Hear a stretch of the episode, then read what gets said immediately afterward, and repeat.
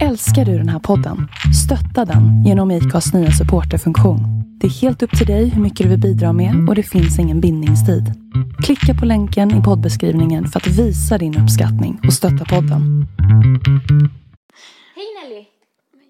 Ja men hej Mikaela. Ja, hej Erika. Fan vad förvirrande det blev nu, jag kanske började lite fel. Eh, vi har med oss en gäst idag. Vill du säga vem du är? Ja, eh, Mikaela heter jag. Nu är det nog jag som är gäst här tror jag, inte du Loke. Insikt på badhuset. Jag ogillar blöta människor som jag inte känner. Det var så jag tänkte i alla fall. Men varför skriver jag ut det på Facebook? Fy fan! Hur skulle ni känna om ni hade någon annans barn i er mage? I högstadiet föreställde jag mig ofta att jag var huvudpersonen i en film. Jag tror att det är Mikaela. Jag tror att det är Mikaela också. Jag tror att det är Nelly. Mikaela heter jag, jag har gästat en gång tidigare och eh, nu fick jag chansen att vara med igen, vilket Ja. jag tycker är väldigt roligt. Det var ju jättekul när du var med senast. Eh, det avsnittet heter Stalkers. Ja, precis. Eh, och i det avsnittet berättar du om den gången som du hade en stalker som Ja. även började stalka mig och Nelly på Ja. sociala medier. Och det får ni jättegärna lyssna på. Det är ett ganska bra avsnitt. ja, gör Det är det. spännande. Får ni lära känna mig lite mer också. Ja. Men hur mår ni? Ehm, jag är lite förstoppad. Tack för infon. Men ni sitter bra och sådär. ja. Vad bra, för att de närmsta minuterna är det jag som bestämmer. Va? Er podd Är är, med kapad. Va? Shit vad läskigt. Nej, nu blir jag rädd. Nej, så- okej, så här är det. Jag har tänkt på att när ni har gäster så ställer ni dem mot väggen lite grann. Ja. Nu är det min tur att ställa er mot väggen. Nej, är det sant? Okej, jag ser fram emot det här. Ja. Gud vad kul, för vi har ju redan ställt dig mot väggen en gång. Ja, precis. Så jag tänkte att då vänder vi på det den här gången. Not what you expected. Ska du ta en i taget eller ska vi svara tillsammans? Eller vad är det som händer? Nej, Nelly hatar överraskningar så att hon måste så här få veta exakt vad som ska hända in i minsta detalj. det som kommer att hända är att jag har gått igenom era gamla Facebook-statusar. Nej, är det sant? Fy fan vad kul! Alltså gud jag hoppas verkligen inte killen jag dejtar lyssnar nu. Åh herregud, Från det här kommer mycket 2008 till 2010. Nej, nej, nej, nej. Åh, jag, jag hatar att inte ha kontroll. Eh, jag har försökt vara snäll, men jag måste ju få med lite kul också. Ja. Så att era kära lyssnare får veta lite mer om er som ni kanske själva inte väljer att berätta. Åh gud. Mm, och så ska ni få gissa vem som har skrivit vad. Nej, vad roligt! Åh jag älskar sånt här. Vad roligt med en gäst som har förberett någonting. Eller hur? Vad Vilket kul att, att, ni, att ni tycker det. Ja, tack. Vem har skrivit följande? Jag har tråkigt. Jag saknar klassen. Och jag är törstig. Punkt slut. Nelly. Ja, Ja. korrekt. Gud vad kul Du- att vi gissade rätt båda två. Ja, Ja. Varför gissade vi rätt? det är för att jag var så lame på den tiden. Men det var ju jag med. Inte lika lame som mig. Vem har skrivit följande? Bränner man sig på pepparkakan är kaffet varmt. Ett av mina gamla ordspråk. Nelly. Nelly. Va? Jag känner inte igen det här. Bränner man sig på pepparkakan i kaffet varmt, var ligger ens logiken? Förmodligen så doppar du pepparkakan i kaffet. Det var så jag tänkte i alla Men fall. varför skriver jag ut det på Facebook? Fy fan. Vad skrev man inte ut på dela. Facebook? 2-1 till Erika här då. Mm. Vem har skrivit följande? Just nu är det jag och mina ostbågar mot världen. Jag. Jag tror att det är jag. Och det är Erika. Yes! Fan. Erika leder. Vem har skrivit, eller rättare sagt vilken liten kleptoman har skrivit detta? Det är kul att skriva på iPhone, synd bara att den inte är min. Nelly. Det måste vara jag. Det är Nelly. Men gud, alltså jag minns inte det här. Det är, Det är så det som är så bra. Vem har skrivit har just kontaktat Coca-Cola för att förklara mitt hat gentemot deras nya korkar. Erika. Va? Vadå deras nya? Nej, det måste vara Nelly. Jag kommer inte ihåg något sånt. Jag kommer inte ihåg att jag har kontaktat Coca-Cola. Fast det låter lite mer som mig i den åldern, att sätta mig ner och skriva ett mail. Det var Erika. ja! Vadå har jag kontakt? Den här är så konstig. Jag förstår ingenting. Men vem har skrivit någon som har en rullstol att låna ut? Annars går det lika bra med röda hängselbyxor. Jag tror att det är jag. Mm, Jag tror också att det är Erika. Det är rätt. Jag tror att det här var runt projekttiden Ja, så att det det, var var säkert någon rekvisita-grej. Jag skulle också säga det. Jag ja, tror, jag tror för det. att förklara så hade vi projekt i, på estetprogrammet där det är vi typ som en musikalaktig Ja, man sätter grej. upp en musikal med drama och musik och allt möjligt. Hela jag är ett enda stort havreflarn. Det är, du. gubbe. det är du när du har varit solbränd tror jag. Ja, det är jag. Jag känner igen den. Det är rätt. 6-5 till Erika. Vem har skrivit? Alla dessa typer av skenbart negativa upplevelser har en inneboende potential att ge oss kraft, tillväxt och insikt om vi är villiga att ta emot deras gåva hellre än att fly eller främja oss. Erika, jag använder inte sådana ord. Vad i helvete? Är det ett citat eller? Men gud vad sjukt, det är jag. Det måste vara jag eller? ja, det är du. Garanterat. Fel, fel, fel, fel. Det är Nelly. Va? Va? Kan du läsa den igen? Är det ett citat eller? Det kan ju inte vara hennes egna ord. Alla dessa typer av skenbart negativa upplevelser har en inneboende potential att ge oss kraft, tillväxt och insikt om vi är villiga att ta emot deras gåva hellre än att fly eller främja oss. Sitter med ditt vinglas och bara wow. Du bara mind blow. Alltså jag sitter och funderar på om jag kanske har blivit face-rapad där. Nej. Ja men Jag det är vet- liksom inte jag för vet kul. varför du det är inte skrev det här, tillräckligt kul. Va? Jag vet varför du skrev det här. Men ska du berätta sen eller nu? Nu. Jag berättar nu. Du har även kommenterat. Själv? Ja. Ett, Ta fram närmsta bok. Två, Slå upp sidan 168. Kommer ni ihåg den grejen? Ja. Alla gjorde ju det. Man skulle skriva ett citat Ja. som det första man såg typ. Ja. Det förklarar fan saken. Alltså Ja, bara, jag blev så jävla chockad Det, använder, det ordet använder du inte ens nu fast du är snart 25. Men gud vad sjukt. Ja, fy fan. Då står det fortfarande 6-5 nu då. Eh, vem har skrivit Insikt på badhuset? Jag ogillar blöta människor som jag inte känner. Det är jag för att jag känner fortfarande så. Ja, det är du säkert ensam om i hela världen och det var du som skrev Men det. folk Helt med rätt. blöta fötter alltså som man inte känner. Är det som fötterna råkar- som är värst verkligen? Ja, när de nuddar en i rutschkanan. Du vet när man Ja. åker i en sån här riktigt bred rutschkana. På tal om det, kan vi, inte ha, kan vi inte ha en liten tyst minut för alla vi som har varit efter de som drar ner badbrallorna när de ska åka Åh, fy i rutschkanan? Usch. Tänk om de inte torkar sig Men ordentligt. kommer ni ihåg, har ni varit med om det eller? Det var ju jättemånga som höll på så för att man skulle, de skulle åka fortare. så många bleka små rumpor. Man drog ju upp string själv. Men de Ja. liksom bjöd på hela bajsranden. Ja, ja, ja, ja. Ja. Vem har skrivit? Dags att sova lite kanske? Nej, det hinner man. Nu ska jag städa rummet lite inför imorgon. Ha, ha, ha, ha. Sen kanske skriva lite svenska och sen sova. Eller Ja. så tar jag svenskan imorgon. Värt att tänka på. Natti, natti. Det måste vara jag. Det måste vara Nelly. Jajamän. Natti natti också, det använder jag. Men varför, varför är vi så säkra på att det här är du? För jag var så lame! Det är bara nonsens i dina statusar från den här tiden. Alltså förlåt men ni båda var ganska lame. Och jag var också ganska Jag var lame. fan extra lame. Jag hade ingen så här självdistans. Typ, alltså för vad som är intressant för andra och inte typ. Nej, inget filter överhuvudtaget. Nej men Jag bara gud. roastade dig. Men alltså Nej, men egentligen, tänk att det finns de som fortfarande inte har det filtret. Ja. Så kan vi ju faktiskt pusta ut lite. ja. Okej, vad är vi uppe nu? 8-7 till Erika. RIP Nelly 2008. Vem har skrivit Var så sugen på french hotdog idag att jag nästan blev lite aggressiv. Det kan inte ha varit jag. Det måste vara du. Det måste ha varit, aj. det måste ha varit jag, säger, säger Erika slå mig med micken. Ja, jag trodde du försökte vara international. Det måste varit I. Vi har ju en övning idag och det är att vi delar mick. Eftersom att vi är så duktiga på att avbryta varandra så eh, är det du och jag som åkte på att dela mick. Du och jag alltså, Nelly och Erika. Okej, vill ni veta vem som skrev om french hotdogs eller? Nelly. Det var Erika. Va? Det var därför jag valde den här. Fan, jag tänkte att det var en kuggis först, men sen tänkte jag nej. Men vänta, vad, vad, kan du läsa den igen? Var så sugen på french hotdog idag att jag nästan blev lite aggressiv. Nästan. Vem har skrivit? Ja, här sitter jag och glänser med mitt nya armband. Smiley. En chokladbit skulle inte suttit fel nu. Nelly. Nej, jag vill inte att det ska vara jag. Erika. Det är Nelly. Ah. Nu drar du ifrån nya, här Erika. Det som har hänt idag, mitt nya armband.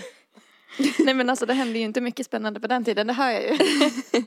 Du skrev någonting om din eh, flashiga klocka också någon gång. Men fy Det fan var så kul.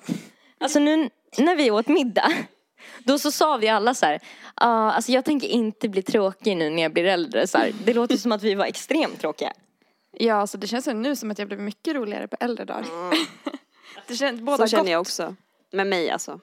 Man ändrar ju humor också dock. Ja, så är det ju. Okej, vem har skrivit? 24 brothers I can find in my home, 18 others that I really don't know.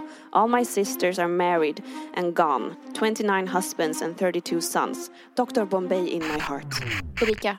Jag tror också att det är jag, för att jag var lite så här tidig med det här att guilty pleasures är coolt. Ah. Ja, det är sant. Det är Rika. Men gud vad konstigt det är att man har gjort de här grejerna utan att minnas. Vi har en kvar. Eh, den är lite dubbel. Det är nämligen två i en. Två grejer som är postade på samma dag. Som jag tyckte hörde ihop. Ja. Okej. Vem har först skrivit spelar Just Eat It varm och senare samma dag äter Vad trodde du? Det måste vara Erika, jag känner inte igen det här. Just eat it, eat it. Fast den heter Beat It, men det kanske är samma, jag vet inte. Jag tror att det är en spin-off. Ja, säkert. Eh, jag har skrivit det tror jag. Ja, det stämmer. Det stämmer. Ja, uppenbarligen så känner ju Erika sig själv och Nelly bäst. Så det har vi konstaterat genom den här lilla leken. Fan! Och tycker ni att det här var kul så kan ni följa mig på Instagram, Enberg heter jag. Reklam! Usch! Snacka om att jag känner mig rakad ändå. Ja, jag med. Jag känner mig helt tagen på sängen. Gud, det här var jag inte beredd på. Vad roligt Mikaela. Duktig du är. Tack.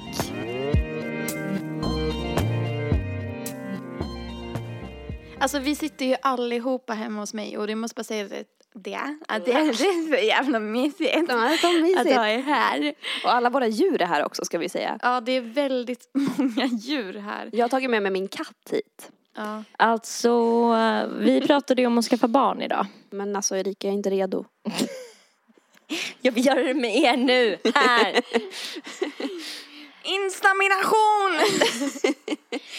Eh, nej men vi pratade ju lite om det när vi eh, käkade middag. Ja. Typ att så här, om man känner sig redo, typ så här, jag vet att Nelly har typ lite så här barnlängtan. Eh, nu springer hon iväg och fiser, vi har ätit jävligt mycket mat idag. Nej men att hon har lite barnlängtan, men jag kan känna det lite så här när jag sitter på tunnelbanan och bara ser de här personerna typ så här eh, tränga sig in på tunnelbanan med så här vagnar och grejer. Och så tänker jag på de här gångerna man typ så här hänger på krogen och bara typ letar efter typ en kille och att allt det egentligen handlar om att man vill så här fortplanta sig, alltså i vår typ reptilhjärna om man ska gå till det. Och att det blir så konstigt när jag ser de här människornas liv typ utifrån och bara känner typ jag verkligen typ inte blir avis för det ser så jobbigt ut och sen så bara är det typ det man sysslar med mycket av sin tid, att man är typ på jakt efter eh, någon att vara med. Mm. Ett, efter typ familj någonstans. Alltså Ja.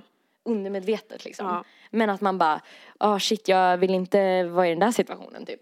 Mm. Ja, det, det känns som en så här sjuk insikt typ för att det känns som att livet blev så himla att man förstod så här, ja det är inte mer än så. Man Mm. letar efter någon jättelänge, hittar den, skaffar barn och sen bara, ja, då var det meningen med livet utförd typ. Och så trängs man i kollektivtrafiken liksom. Med skrikande ungar som inte vill lyssna. Ja, jag känner precis samma men samtidigt så vill jag ju ändå tro på alla som säger att ja, men livet börjar ju först när man får barn. The Handmaid's Tale. Har du sett den någonting nu Mikaela? Ja, jag har ju sett typ kanske tre eller fyra avsnitt. Så du vet vad det handlar om? Ja. Eh, kan du dra det i korthet? Ja, det handlar väl om en dystopisk framtid där eh, alltså kvinnor helt plötsligt tar, tas ifrån alla sina rättigheter och helt plötsligt så ska de istället agera bebismaskiner. Mm. för Fertila kvinnor. Att, ja, fertila kvinnor för att det har blivit en stor infertilitet bland befolkningen. Mm. De blir som tjänarinnor åt, eh, Den kristna sekten. ja exakt. precis som håller på att ta över USA. Vissa Mm. delar har tagits över liksom. Det finns ju scener där eh, eh, de kallar det för en eh, måntaliga ceremonin. Mm. Där man ska försöka göra den här kännarinnan gravid. Som Mm. liksom de rika familjerna inom den här sex- sekten får. Mm. Eh, hur har ni känt när ni har sett de scenerna? För jävligt har jag känt för att det är ju våldtäkt. Mm. Ja, Alltså- de är ju liksom till och med dit kidnappade Ja, de har ju till verkligen att börja med. Ja, de har ju inte fått välja att vara där själva. Nej. Nej usch, jag tycker det är jättehemskt. Mm, det är det. Det var nog lite därför jag slutade kolla tror jag. För att det blev alldeles för jobbigt att titta på. Mm. Vad var det som var jobbigast i situationen? Tror du? Alltså vad var det som typ verkligen gav dig obehag? Man kan ju, eh, att de är kännarinnor i familjen och, och deras enda uppgift är att vara någon slags behållare. Ja men precis, det det är till och med barnet. så att, att medan det här sker, alltså insemination, inseminationen, så sitter ju frun och, och liksom är med. Ja, hon är med i själva samlaget. liksom. Ja, Ja.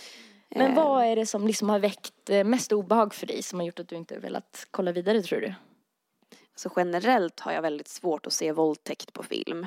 Jag tycker alltid att det, det är bland det obehagligaste. Det- Jag tycker det är värre än våld liksom. Mm. Ehm, men sen också hela konceptet. Det här med att det känns ju inte helt otänkbart att framtiden kan bli sån. Jag menar en av mina favoritfilmer heter Children of Men. Mm. Den handlar också om att ehm, Mm, människorasen dör ut eller vad man ska säga. Mm. De, vi föder inga barn längre. Mm. Och eh, världens yngsta människa är typ världskänd Mm. för att han är yngst. Det är ju såklart väldigt läskigt att tänka på det. Eh, att det kan bli så. Och jag tror säkert att det finns vissa sekter med makt som skulle kunna genomföra en sån här sjuk grej. Så det är väl det, att, att det är så overkligt men samtidigt inte. Mm. Eh, allting liksom, att, att kvinnor förlorar all rätt till sin egen kropp och eh, liv. Jag tycker också det är sjukt obehagligt. Det känns ju också som att alltså The Handmaid's Tale är någonting som kan ske om typ feminismen backfirar totalt. Mm. Och balla, alltså att det blir, går snett allting. Mm. Och att så här, männen vill ta tillbaka sin makt liksom. Ja, du menar om det skulle bli som en motreaktion på feminismen? Eh, som gör att eh, de här krafterna som är på motsid, alltså motpolen till feminism blir eh, väldigt aggressiva och vill ta över. Ja, precis. För att det, det känns som att det är ju mest fortfarande män som styr. Mm. Och då känns det som att de så De himla har lätt än så länge övertaget. Ja, Liksom. och då känns det som att de så lätt skulle kunna, att det så lätt skulle kunna ske på något sätt om det, om det blev så att folk började Om vi bli, får lite för många Donald Trumps i världen typ. ja men typ, eller typ att folk börjar inte kunna få barn, Mm. som det är i den serien. Men det känns också som att det skulle kunna hända på något annat sätt, alltså att det inte handlar om barn utan bara så här att nu ska vi tygla kvinnorna för nu har de fått för stor röst, typ. Mm. Typ nu har det gått för långt, nu sätter vi ner foten.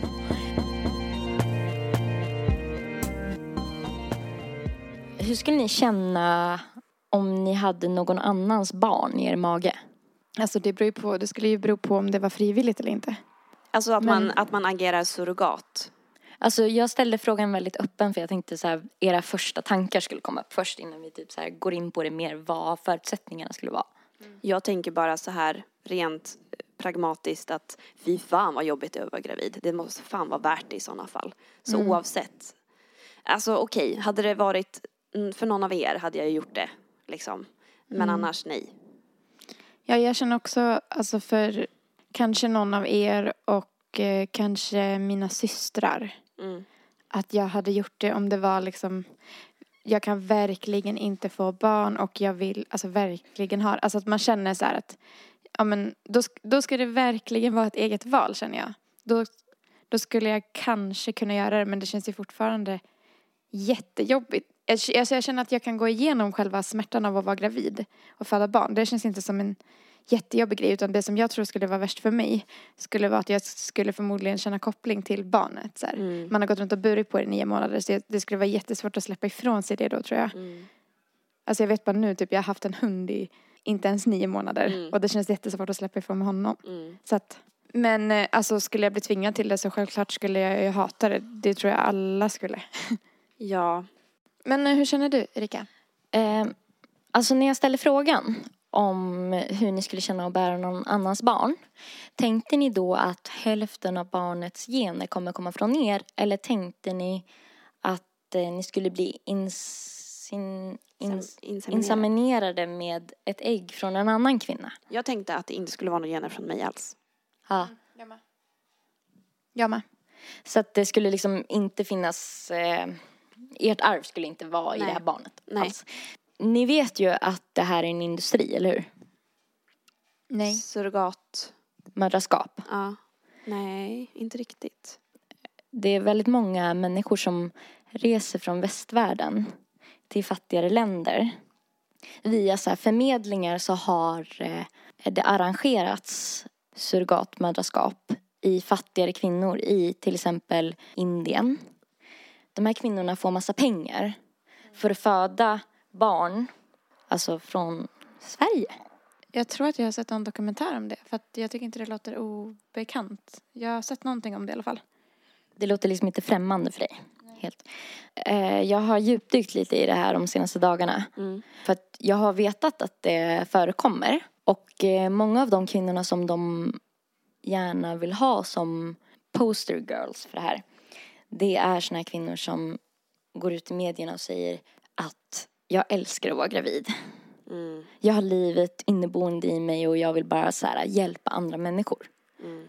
Jag läste en artikel eh, om en kvinna från USA Mm. som var surrogatmamma. Mm. Och hon pratade om hur hon mår så himla bra. Hon älskar att vara gravid och det är det bästa som finns. Hon sa också i den här intervjun att självklart gör jag det inte för pengar. Och eh, av det som typ jag har läst på, om man bara söker runt lite på det här.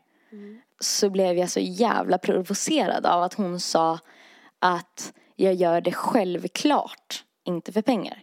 För att majoriteten av alla surrogatmödrar eh, gör det för pengar. Och eh, de kommer från förhållanden där de inte typ har fönster eller element. De gör det för att kunna ha en insats till en lägenhet i typ Delhi. Ehm, det fanns en podcast på P1 eh, som var intervju med ett svenskt par. Jag tror de kom från typ Värmland eller någonting. Man kan kolla upp det här på eh, P1 Dokumentär. Och de hade åkt till eh, en kvinna som kallades Nino i dokumentären. Jag vet inte om det var hennes riktiga namn. I Georgia. Hon var 25 år. Hon hade haft två barn innan och hade en make som också eh, var stöttande i det här. Och de pratade om hur eh, fantastiskt det var att den här kvinnan ville typ stå till tjänst med sin kropp. Om allting skulle gå i lås och barnet skulle födas så skulle de slutligen betala, gissa hur mycket? 500 000. Jag tänker typ två miljoner. Nej, jag tror inte det är så mycket alltså. Två miljoner kan man ju köpa ett hus för. Men om det är typ kvinnor i Indien? Aj, nej, jag vill sänka ännu mer. Jag tror att det är 100 000. Nino, hon bodde i staden Tbilisi i Georgien. Och skulle allting gå som det skulle, så skulle hon få 150 000 kronor för det.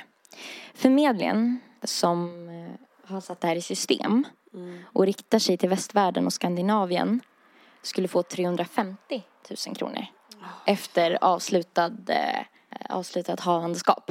Desto längre in i graviditeten som barnet liksom fortfarande lever och allting går bra så får eh, de här kvinnorna mer och mer pengar för varje månad som går. Jag läste om en förmedling som håller till i Delhi. Chefen för den förmedlingen pratade om att eh, de gärna vill ha kvinnor som är lite bildade för att de hade märkt att samarbetet gick bättre inför en graviditet. För att ungefär om det var två månader innan eller så, kring graviditeten så skulle de ogärna ha sex. De fick skriva på papper för det här och grejer. För att avsäga sig det. Och de här pengarna också bör tilläggas. I de här länderna så är det så mycket pengar. Alltså det kan ge barnen, deras egna barn, utbildning. Och de kan liksom ha, så de kan betala lägenheter och liksom uppfylla sina drömmar. Tycker ni att det är fantastiskt att de här kvinnorna har möjlighet att ta sig ur eh, slummen eller finns det någonting i det som liksom lite grann vänder sig i magen? Jag känner att det finns två sätt att se på det. Typ, för att jag är inte chockad just för att jag känner igen det här från innan. Jag har sett någonting om det. Men jag tänker typ att det suger att man ska kunna sälja sin kropp på det sättet. För att man är kvinna och mm, ja, det suger bara. Det är ju samma som att köpa sex lite grann känner jag. Fast det handlar om liv. Så det är ändå lite större.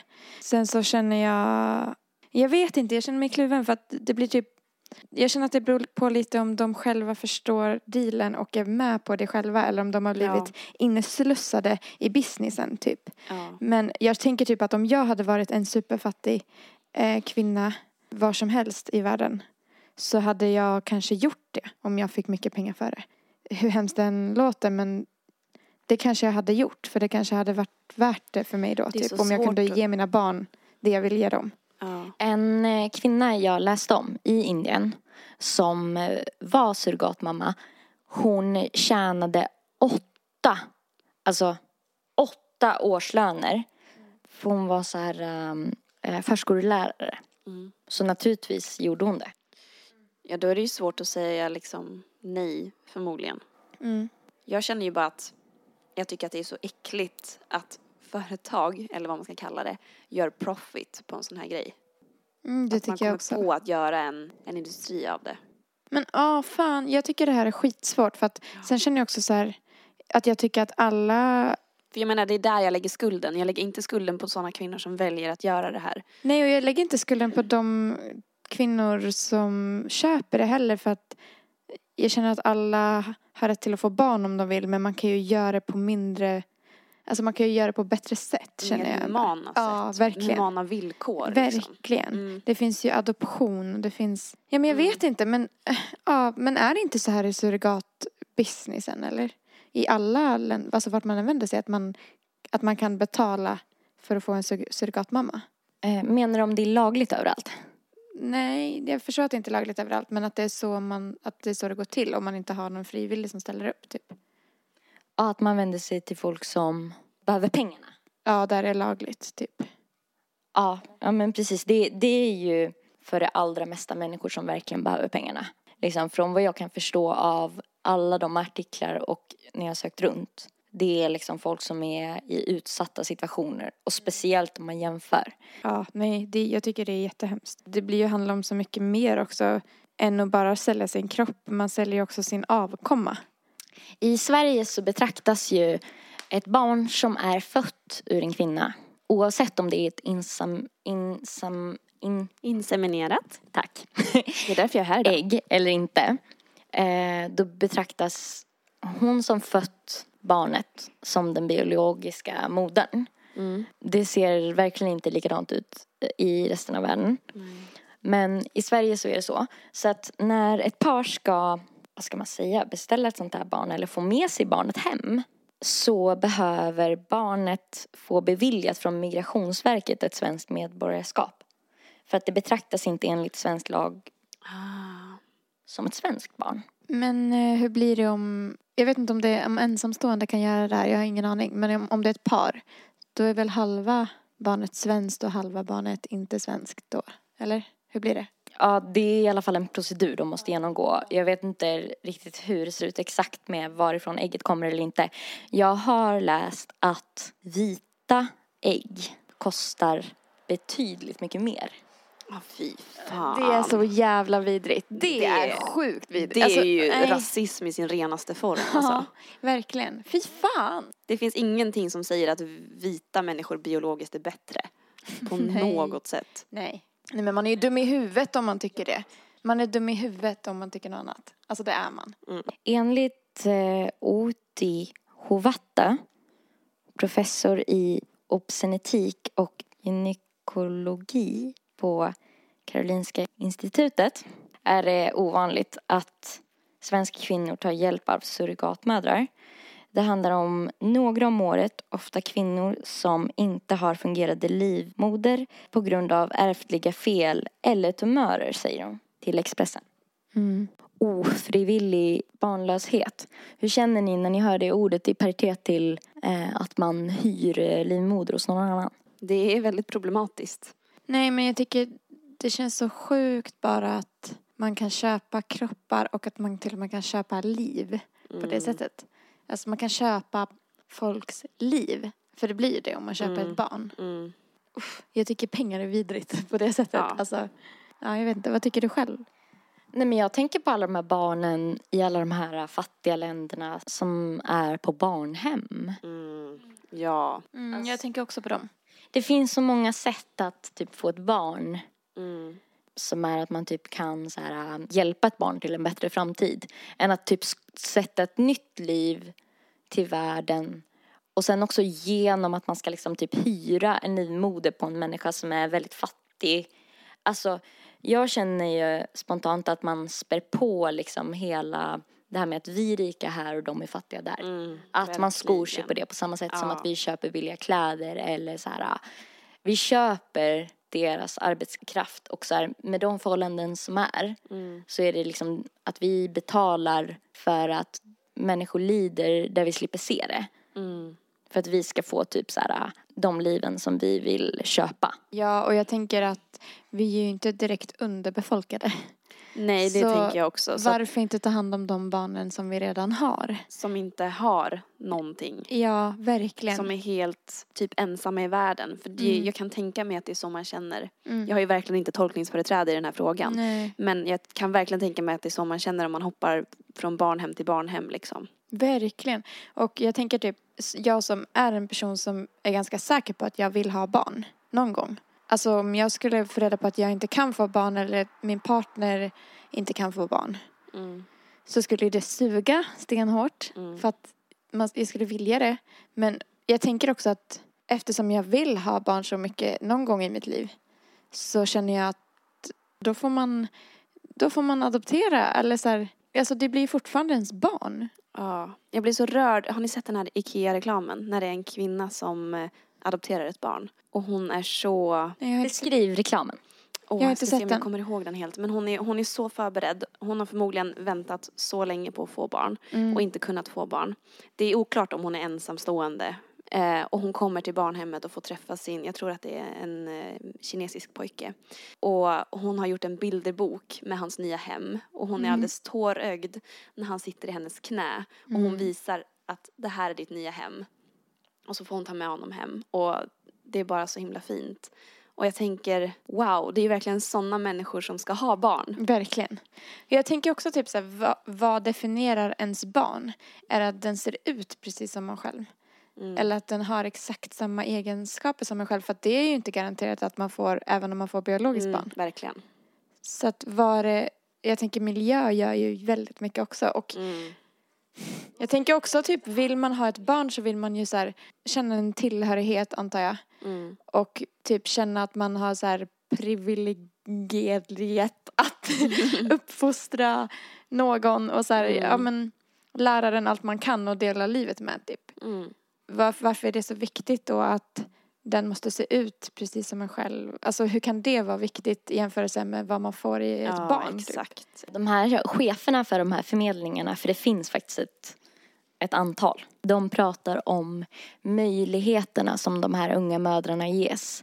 Att Mm. ta sig från fattigdom och att man ger dem ett nytt liv. Mm, det är där fokuset ligger. Det är liksom, du gör någon en tjänst om du Mm. köper vår tjänst. Det är som sagt väldigt problematiskt hela grejen.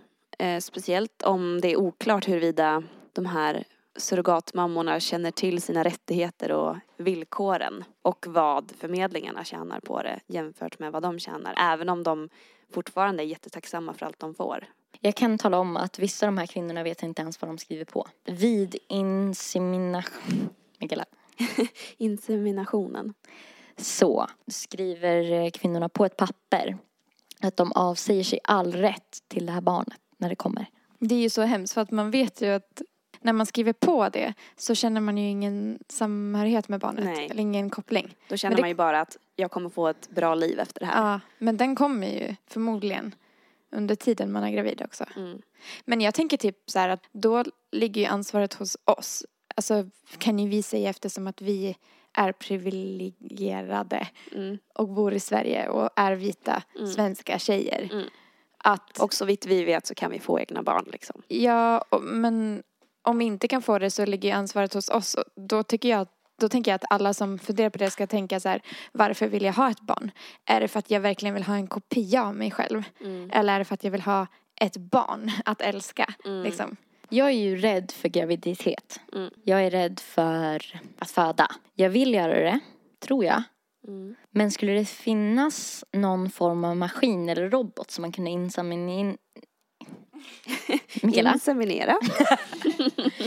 Eh, med mina gener och eh, mannen jag älskar. Mm. Då skulle jag, om jag hade pengarna och förutsättningarna, betala för det. Mm. För att slippa gå igenom det. Mm.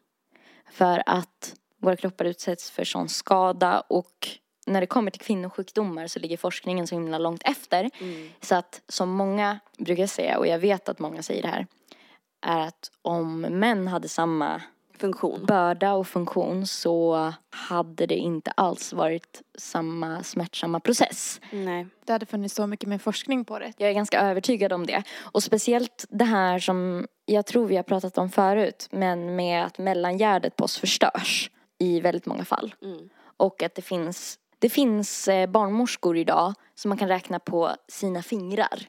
Hur många det finns i hela Sverige som vet hur man syr ihop Mm.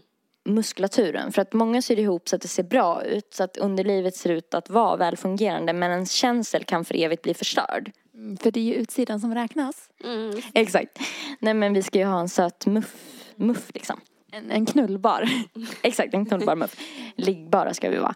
Nej, men alltså det vill komma till att för många så blir inte en sex någonting som är njutbart efter att man har Nej. fött. För att muskulaturen eh, liksom eh, förstörs i underlivet. Och typ, det här kan undvikas om man snittar kvinnan på snedden med ett klipp. Alltså att man klipper upp vaginan. För i många fall, och i de absolut flesta fall, så spricker man. Och ganska mycket. Så man kan få problem med att skita och grejer. Men klipper man och sen efteråt syr ihop så blir det liksom kontrollerat. För då blir snittet rakt och inte i zigzag. Så att då blir muskulaturen mycket lättare att klippa upp. Eller så här, sy ihop. Vilket också typ är så här, en grej som jag typ tänker på när jag hör om det här. Att man bara, ja ah, fan vad skönt det skulle vara om man bara kunde hyra en livmoder. Men när man typ läser på och hör om förhållandena de här kvinnorna kommer ifrån. En kvinna som jag eh, hörde om, hon fick missfall väldigt långt in i alltihop. Fick inte alls de pengarna som hon var lovad.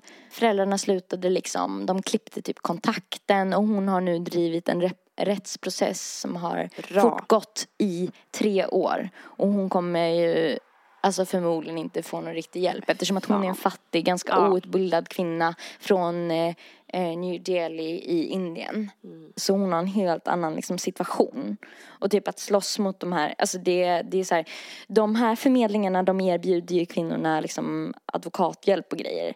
Men pengarna kommer ju från föräldrarna så såklart så ligger det i deras intresse att göra det så bekvämt som möjligt för föräldrarna som ska köpa en unge. Där pengarna finns. Dokumentären jag hörde på P1 Dokumentär om det här eh, så när man hörde de här föräldrarna prata om det här från Sverige så var de så här, ja det är klart man ska vara ärlig. Typ ett, ett tag in i det här så började man ju fundera så här, hon fick så här problem med sin lever och skit under här. Eh, ja, man började ju undra om vi hade kastat bort pengarna. Alltså det låter ju fult att säga men Fy fan. Herregud. Man bara, mm, men du kan också ha förstört, alltså det, jag tänker också att det finns ju så många sjukdomar som kommer med graviditet. Alltså som kan komma med graviditet. Ja. Man kan få graviditetsdiabetes typ. Man kan få Förlossningsdepression. ja, foglossning, ja, men allt, allt, allt möjligt. Mm. Som man inte ens vet för man har inte blivit informerad som kvinna om vad fan som kan hända. Speciellt om man kanske bor i ett land där man inte får så mycket information om sånt. Ja, verkligen. Nej, fy fan, jag känner att det är jätte... Nej, usch. Taggad på att vara kvinna, måste jag säga. Ja, det har Mm. aldrig känts bättre att vara Nej, kvinna än just mums. nu. Mm. Men jag känner också att jag har det Ja, Bra. det måste vi komma ihåg också att vi är Ja. så fruktansvärt privilegierade. Ja, verkligen. Och så säger folk att klassamhället inte finns längre. Nej, gud, nej, det är väl som bortblåst, Ja, tänker nej. jag. Nej, det. Men vi har väl valt det själva? Alla Har är de en och samma. klassamhälle och klassamhälle, jag tjänar väl lite mer än någon annan. Jag vill inte mer med det. Är väl inget fel med det. Nej. Paret vars historia jag lyssnade på eh, på P1 Dokumentär. Deras första kontakt på det här företaget som heter New Life, som var deras förmedling, hette Sofie Kleba. Mm. Och eh, den här eh, reporten träffar henne Mm. för att höra lite vad hon har att säga om vad de sysslar med. Mm, Tänkte bara att vi skulle lyssna på vad hon säger. Hur svårt är det för kvinnorna att lämna bort barnen, undrar jag. well, I don't like using this word, but we kind of try to brainwash them for their own benefits, you know, not to trying not to make any emotional emotional attachment with with the babies. Sofie Kleba säger att New Life redan från början intalar surrogatmödrarna att de inte hör ihop med barnen genetiskt. Jag gillar inte ordet, säger Sophie, men vi försöker hjärntvätta dem till att inte fästa sig vid barnet. De bär barnet åt barnets riktiga föräldrar. Vi försöker flytta över surrogatmammans känslor från barnet till de blivande föräldrarna och där hjälper föräldrarna själva till when they see the parents crying and kissing their bellies, well, we had many parents, you know, kneeling in front of the surrogates and kissing their bellies and hands, and then they realize how important persons they are. They start thinking emotionally, not not with the babies, but with the parents. När föräldrarna faller på knä framför surrogatmamman, gråter och pussar hennes mage, då förstår de vilken viktig person hon är i deras liv. Surrogatmammorna är fattiga kvinnor som vill skapa ett bättre liv för sig och sina barn. De får 15 000 dollar för en lyckad graviditet och för de här kvinnorna är det en väldigt stor summa, säger Sophie. De kan till och med köpa en lägenhet för pengarna. It's it's very difficult, you know, to to blame them because it's it's a long long journey and emotional investment and everything from the surrogate side. So Man måste förstå dem, säger Sophie. Man kan inte begära att de ska gå igenom en graviditet med allt vad det innebär av risker och påfrestningar bara för att hjälpa en främmande människa att få barn. our surrogate mothers know that the, that parents have rights to to spend some time with the surrogates. De flesta blivande föräldrar vill träffa surrogatmamman. Och det ingår i kontraktet att de får vara med vid olika undersökningar och vid förlossningen. Men New Life är måna om att kontakten enbart går via dem. Om surrogatmamman och föräldrarna blir vänner så kanske surrogatmamman börjar be om extra fördelar, säger Sophie. You know, it's um, easier to control everything when we do everything for the parents. Åh gud. Alltså jag känner typ ehm, att det går upp mer och mer för mig vilken business det är. Mm. Alltså så här, de de pratar om henne som att hon inte är en människa. Mm. Surrogatmamman alltså. Hon är en robot. Mm. Vad sa du? Hon blir ju som en robot. Ja. Nej fy fan. Som man sen betalar av och tänker att ja, nu får hon ett bra liv, hej då med dig. Ja men som att hon inte kommer tänka på det barnet sen. Undrar vad som hände med det och så här, ja men det var ju ändå mitt barn. Mm. Fan, jag kanske kommer klippa bort det här. Men jag har gjort en abort en gång. Och jag vet att det händer grejer med kroppen. Alltså man får typ modersinstinkter och grejer. Alla kanske inte får det. Det är olika såklart. Men det händer ju grejer med kroppen. Man känner ju av det så jävla fysiskt. Mm. Att det är omöjligt att inte få någon känslomässig, alltså något form av känslomässigt band. Mm. Det är klart som fan att de här surrogatmammorna typ kommer tänka på det här genom resten av livet och bara fundera på om de verkligen gjorde rätt val. Var det värt pengar att sälja mitt, inom situationstecken eller inte situationstecken, mitt barn liksom. Mm. Det känns, nej det känns så sjukt bara. Mm. Om du vågar och vill så tycker jag du ska behålla det. Just för att ehm, vi har inte jättemånga lyssningar men vi har en hel del och många av dem är yngre tjejer. Vi vet ju en del som lyssnar för att de hör av sig och sådär. Vi vet vilka de är liksom. Och de har en del av dem gått igenom samma sak. Den här organisationen New Life, de finns i olika länder. De har en eh, hemsida för Georgien. Det finns ju surrogatmammor i Ukraina.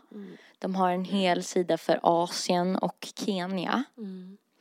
Ehm, jag ville bara höra er reaktion när ni för första gången ser hur hemsidan ser ut. Ska vi börja med Nelly kanske? Ja. Oj. Nej, vad sjukt. Eh, Okej, hemsidan är eh, väldigt clean, fylld av vita människor med vita bebisar, tänker jag på. Att bebisarna kommer ju inte vara vita om de är från Indien, är det första jag tänker. Om de har köpt ett vitt ägg. Ja. Är de vita? Föds? Nej, jag tycker att det ser, eh, det är liksom bilder på glada, bebis, glada vita bebisar och glada vita familjer. Ja, det, det känns jättekonstigt. Det känns som falsk marknadsföring.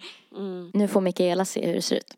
Affordable and smooth journey in most caring environment. Okej, det här tycker jag är intressant. The mo- jag måste bara säga, the most caring environment. Som att typ de surrogatmammorna verkligen br- gör det här för att de bryr sig och inte för att de verkligen behöver pengarna. De, de sa ju själva att de har blivit hjärntvättade. Mm. Den här mamman som jag berättade om, Mm. som eh, hade fått ett missfall och nu var i en så här eh, rättslig process. Mm. Hon var genom den här, eh, hos det här företaget New Life. Mm. Och hon bodde i Georgia vid tiden hon bestämde sig för att göra det här så hade familjen inga fönster och inga element. De fick sova fyra pers i en säng framför det enda fungerande elementet. Och hennes man var så här, nej men alltså vi kan lösa det här, vi, du behöver inte utsätta din kropp för det här. Och sen en dag när han kom hem från sitt underbetalda jobb då hade hon skrivit på papperna utan hans vetskap bara för att hon kände att det var deras enda väg ut för att ge deras flickor en bättre framtid. Och eh, hon var gravid igen efter det här.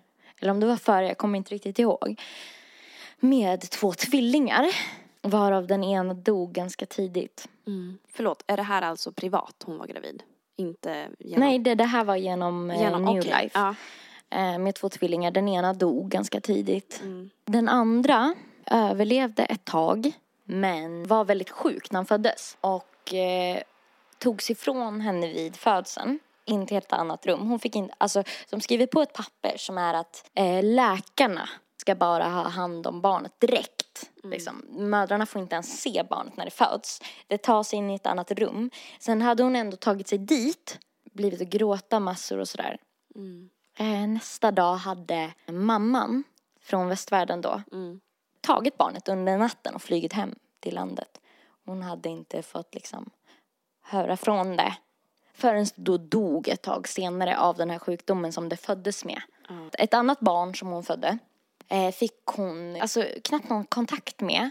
Men de skriver på ett papper som är att de ska få de har rätt att ha kontakt upp till två års ålder för att bara veta att barnet blir väl omhändertaget Ja. och sådär.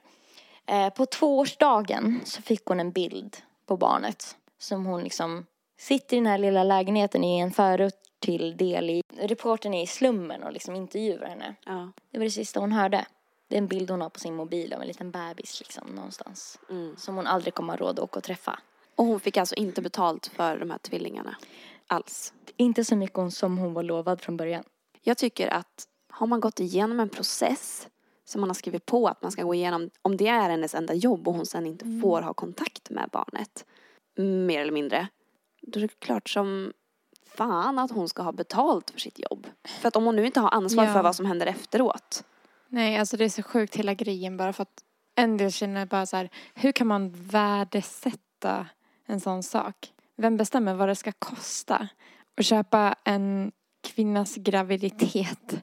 Är det bara så jävla stört hela grejen? Nej. Det är så sjukt. Det är för sjukt vad som går att köpa för pengar bara. Ja. Det, det känns så jävla ytligt nu att gå över till bara, jag ska prata om något gladare.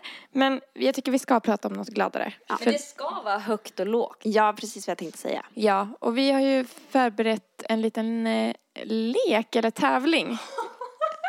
Ja. Jag är så taggad på det här. Kan du förklara reglerna, Mikaela? Ja, inför det här poddandet så kom vi på att vi ville eh, prata om saker vi inte vet om varandra. Vilket är väldigt svårt eftersom att vi känner varandra väldigt bra. Vi är ju bästisar. Ja, vi är ju det. Eh, och då kom vi på att det finns ju ändå grejer man har för sig. Alltså tankar eller vanor eller så. Som man inte nödvändigtvis vill hålla hemliga men som man ändå inte pratar om för att man tänker att Det inte kommit fram bara. Ja, det, man tänker inte att man kan prata om det. Och att vi lär ju ha några sådana som vi har hållit för oss själva. Och därför kunde det vara kul att köra en liten Vems tanke är det här? En liten tävling helt enkelt där vi har skrivit ner ett par tankar som vi själva har. Tankar eller vanor eller missförstånd eller vad som helst. Och så ska vi gissa vem som varje grej tillhör. Vi har gjort en liten eh, skål här med lappar. Och eh, vi ska turas om och dra en lapp och läsa och sen så får vi eh, alla gissa vems tanke det är. Och den som gissar rätt, eller de som gissar rätt får poäng. Och sen så blir det en tävling att den som har flest poäng vinner. Ja! Och känner de andra bäst. Eh, vi kan väl kalla den här leken Vems tanke? Ja. Cue the music.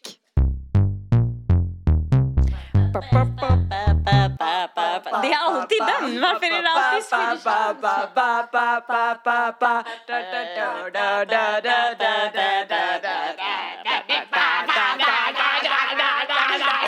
Okej, jag börjar läsa. Jag känner mig ofta som en pinsam person direkt efter att jag sagt saker när jag varit för taggad. Jag tror att det här är Erika. Okej, jag tror det är Nelly. Jag tror att det är Erika. Det är Nelly. Det är jag. Nelly! Men gud, alltså jag trodde att det var bara för att du läste så stakigt. Ja, men jag gjorde det med flit. Jag gillar krissituationer. För då får jag en chans att leka hjälte och känna mig duktig. Jag vet att Erika ska svara först men jag känner spontant att det här skulle kunna vara mitt ex. Du har ju ett hjälteex ja, eller ett ex med hjältekomplex. som jag hatar. Men Ja. ska vi gissa eller? Du ska börja. Jag tror det är Nelly. Jag tror att det är Erika. Jag tror att det är Erika också. Okej, till att börja med. Varför tror ni båda att det är jag? Nej, för att jag var tvungen att säga det för att det var jag. Varför tror du det var jag? Jag blir typ lite nöjd. Nej men, ja, jag kan faktiskt inte riktigt beskriva varför jag trodde att det var du. Det här är ju ännu ett bevis på att jag och Erika är väldigt lika. Ja, faktiskt. Jag drömmer jätteofta sanndrömmar om saker som kommer hända eller vad folk egentligen tycker om mig. Jag tror att det är Nelly. Jag tror att det är Mikaela. Jag tror det är Mikaela. Det är Mikaela. Bara som en eh, parentes, så eh, för att förklara det här, det låter som att jag har jättehöga tankar om min egen eh, psykiska förmåga. Men typ, ofta så är det så att jag eh, kan drömma om en person och så hör den av sig till mig dagen efter. Alltså folk som jag inte träffar ofta. Det har hänt mer än tio gånger de senaste två åren. Även så här när jag har varit kär i någon och det har varit besvarat så har det alltid varit lycklig kärlek i drömmarna. Och har jag varit kär i någon och det inte riktigt har varit besvarat men jag inte har fattat det då så har personen ignorerat mig i drömmarna. Ja. Så var det med det. Men kul att vi båda gissar rätt. Yes. I högstadiet föreställde jag mig ofta att jag var huvudpersonen i en film. Jag tror att det är Mikaela. Jag tror att det är Mikaela också. Jag tror att det är Nelly. Det är Nelly. ja. så typiskt Mikaela När jag var liten tänkte jag att bara man tog i tillräckligt mycket kunde en skrik höras hur långt som helst. Till andra sidan jorden till exempel. Jag tror att det här är Nelly. Jag tror att det är Nelly. Jag tror att det är Erika. Det är jag. Ah. Hur visste det? För att det känns som en sån typisk grej som dig som barn. Att du bara... Nej, jag vet inte. Jag kände bara att det var du. Jag känner mig alltid extra smart och djup när jag är lite bakis. Jag tror att det är Erika. Jag tror att det är Mikaela. Jag tror också att det är Mikaela. Fan. ja, det är jag. Varför trodde vi Ja, varför trodde ni det? Men det är också för att du är så nära dina det- känslor när du är bakis. Alltså jag har sett dig gråta i fosterställning så många gånger när du har varit bakis. Det känns som att du är bara i kontakt med universum liksom när du är bakis. Ja, jag känner också att du ofta ser fördelar med att vara bakis. Typ att du Ja. ofta säger att din hy är väldigt fin när du är bakis och sånt där. Ja, det, ja, det har inte så mycket med min smarthet att göra i och för sig. Men eh, jag, jag, jag upptäcker att jag hittar mycket bättre ord för saker och känner mig väldigt intellektuell av någon anledning. Och jag skriver mycket när jag är bakis. Okej, är ni redo för nästa? Alltså det här är så roligt. Jag har svårt att le när jag har druckit för mycket kaffe. Jag tror att det här är Mikaela. Jag tror också att det är Mikaela. Jag tror att det är Erika. Jag tror att det är säga. Vem är det då? Det är jag. Men det här är vet du varför grej jag som- trodde att det var du? Nej. Därför att det är så himla, himla, himla inkännande med vad, vad är det som händer nu? Hur känner jag i den här situationen? Och eh, det är nog därför, typ så här. Ja. Nej men det här är någonting jag har kommit på bara senaste tiden. Ja. Okej. När jag var liten trodde jag att man fick ett pixlat ansikte om man gjorde ett brott. För att brottslingar var pixlade i tidningen. Jag tror att det är Mikaela. Jag tror att det är Erika. Jag tror också att det är Erika. Det är Mikaela tror jag. Det är jag. Va? Jag är helt säker på att det var Erika. Ja. Jag har inga problem med att sitta och stirra i en vägg i kanske en halvtimme utan att känna mig stressad eller uttråkad. Det här kan inte vara Erika, så jag tror att det är Nelly. Jag tror att det är Mikaela. Jag tror också att det är Mikaela. Vad fan då? Vi kan alla dina. Alla är Mikaelas. När jag var liten trodde jag att man hade begravningar för att den döda kanske skulle börja leva igen. Jag tror att det är Erika. Jag tror det är Nelly. Jag tror att det är Erika. Det är Mikaela. Är det Mikaela? Men du trodde verkligen det var jag? Jag var helt säker. Tänkte du att det var en typisk mig grej att tänka? Det här säger på något sätt hur lika vi är varandra. Jag tror det var Mikaela. Nej, du sa ju Nelly, Nelly. menar jag. Försök inte. Fick poäng då. Jag hade en period när jag var barn då jag var helt säker på att jag var adopterad. Oh, that's dark. Okej. Nelly. Erika. Jag tror också Erika. Det var Nelly. Var det? Ja, that's very dark. Hade jag rätt, rätt, rätt? Det var typ när jag lärde mig om vad adoption var. Och då blev jag så sjukt osäker och kände så här. För att min mamma har bruna ögon och svart Ah, hår. det. Och jag var kritvit blond och hade blågröna ögon. Så att jag var så här, ja, jag är adopterad. När jag är full på krogen brukar jag prata högt med mig själv på toaletten och då brukar jag fatta att okej, nu, är jag för, nu är jag fan för full. Erika. Erika, men det där, ja, Erika. Men, ja, fast det stämmer också väldigt bra på mig. Det var det jag tänkte också. Det var lite därför jag tog den. För jag tänkte att du kanske skulle så här, känna igen dig. Ja, alltså, när jag är för full så har jag alltid en rutin då jag kommer på att jag är för full. Det är att jag går in på toaletten, ställer mig framför spegeln och säger du är inte full Nelly. Och då, precis när jag säger det så inser jag så här fan jag är full, annars hade jag aldrig sagt det här typ. Vet ni vad jag gör istället? Nej. Hela tiden när jag börjar bli full så typ skrattar jag åt mig själv i spegeln.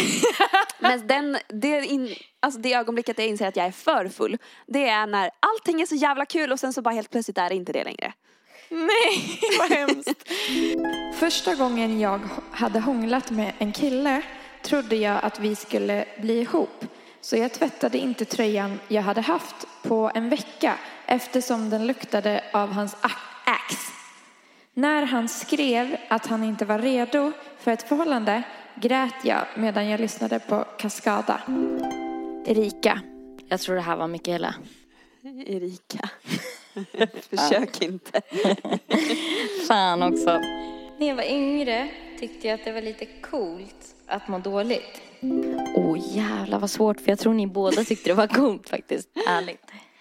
Men Mikaela var ju lite mer emo-lagd. För hon hade ju så här rockstilen och lyssnade på hon gillade Billy Joe och grejer. Ja, Nej, men tack vad han för att heter. du berättar det för hela världen. Green Day och som du höll på. Men samtidigt så tror jag det var Nelly. Jag tror att det var Nelly. Det var Nelly. Det hade kunnat vara jag. När jag var liten tänkte jag på kvalster som fanns i sängen ibland och då började det alltid klia överallt. Tror att det här är Nelly. Jag tror att det är Erika. Det är jag. Eller jag har inte gissat men, men det var jag. Ja, fan För vad jag, jag är dålig på det här. mig liksom, ni vet de här äh, när man kan se dem helt uppförstorade. Ja. Ser så jävla vidrigt ut så brukar Ja. det liksom Jag tänker mest på att Nelly är lite så här. Hypokondrisk. Ja. Ni båda är ju lite hypokondriker. Ja, det är sjukt att du har valt två hypokondriker som bästa vänner. ja. Därför ni går så bra ihop. Jag får obehagskänslor när jag ser tv-program eller filmer från 2003 till 2005. Fan specifikt. Det måste vara Mikaela. Jag tror också att det är Mikaela. För det specifika i det gör att jag tänker att det är du. Du har så bra koll på filmer och sånt. Jag tror att det är Erika. Men det var jag. Jag tror att det var jag. Men Vad alltså konst- de har så fula kläder. Alltså 90-talsserier, det är en helt annan sak. För det är snyggt. Ja. Men 2003-2005, speciellt om det är svenska grejer, för allting ser så jävla Är det B ut. stilen som gör att du får Ja, obehag? men typ så här, men jag vet inte. Det är så här, om man kollar på svenska ungdomsfilmer från typ 2005, typ så här 14 suger. Alltså, det är bara massa ångest i alla kläder och i alla frisyrer. Fy fan. Ibland när jag tittar på månen eh, brukar jag tänka att någon har stått där uppe och tagit bilder tillbaka på jorden. Jag tror det är Mikaela. Jag tror att det är Nelly. Jag tror att det är Erika, garanterat. Det är jag. Men vad, vadå garanterat? För att det är en sån typisk grej som du skulle säga. Jag vet inte, jag kände bara att det var du. För att jag älskar rymden. Ja, och för att du är så här, Ja, men då brukar jag tänka från den personens perspektiv och då, ja. alltså lite så. Okej, okay, du tog med på den. När jag var liten tänkte jag att jag kunde prata med djur. Det här är Nelly. Jag tror också att det är Nelly. Jag tror att det är Mikaela, men det är Nelly. mm. Ja, den var kanske uppenbar. Jag tror jag har sagt det till er. Jag tror att du har sagt det, ja. Mm. Nu har vi två, tre spännande lappar kvar. Jag har funderat på om jag kan bli lesbisk många gånger när jag varit trött på killar. Senast när jag var full googlade jag bli lesbisk. Jag tror att det här är Erika. Okej, jag tror det här är Mikaela. Jag tror att det här är Erika. Jag, jag tror att det är Mikaela, men det är jag. Du är en sån förnekare. Men varför trodde ni det var jag? Därför att du har pratat Ja men du om kan bli att så här, du... "Rrrr", så trött på dem. Ja, och du har också pratat många gånger om att så här, ja men man vet ju inte om man är lesbisk eller, alltså det, det beror på om man träffar the love of my life. Det vet man ju inte vilket kön det kommer vara typ. Det har mm. du sagt många gånger. Därför tänkte jag att det var du. Jag har alltid tänkt att min haka luktar ost. Jag tror det är innerligt. Alltså va? Jag tror att, oj oh, jävlar. Alltså det känns som en så här, äh, jag vet inte, det bara känns som en Erika-grej. Nej, jag tror att det är Michaela. Det är jag. Yes! det är faktiskt jag. För att ni vet de här porerna. Jag så mycket åt din egen. Ja, när man har, eh, när man har så här porer under hakan och så ja. drar man så här fingret så brukar jag alltid lukta på det efteråt. Men jaha. Så luktar det typ mögelost. Får tvätta dig lite oftare Erika. Hoppas inte han lyssnar. Jag både hatar och älskar min egen röst. Åh, oh, spännande. Det här är nog Nelly tror jag. Oj, jag tror att det här är Michaela. Jag tror det är Nelly. Det är Nelly! Ja. Nej, vad hemskt! Usch, jag kände nu att jag skämdes över det. Men det var mest för att alltså, vi har en podcast ihop. Så att jag tänker så här, det är lite det som man känner när man har en podcast typ. Okej, okay. Vill ni höra? På tredje plats drrrrrch, kommer Mikaela. På andra plats kommer Erika. På första plats kommer Nelly! Ja, det är sant. Jag känner mig som en vinnare genom hela. Jag vann. Du tappade fokus. Tack för att ni har lyssnat. På Instagram så heter Mikaela M. Bergne. På Instagram heter Erika Zebra Track och på Soundcloud heter Erika Zebra Track också. Zebra stavas med C och gå in på hennes Soundcloud för där finns det grym musik. På Instagram heter Nelly Nelpan. Och på Soundcloud heter Nelly Nelly mellanslag Malou. Okej, ha en bra lördag.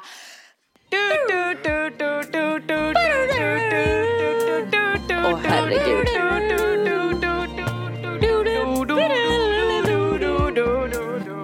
Okej, vi älskar er. Okej, Mikaela out.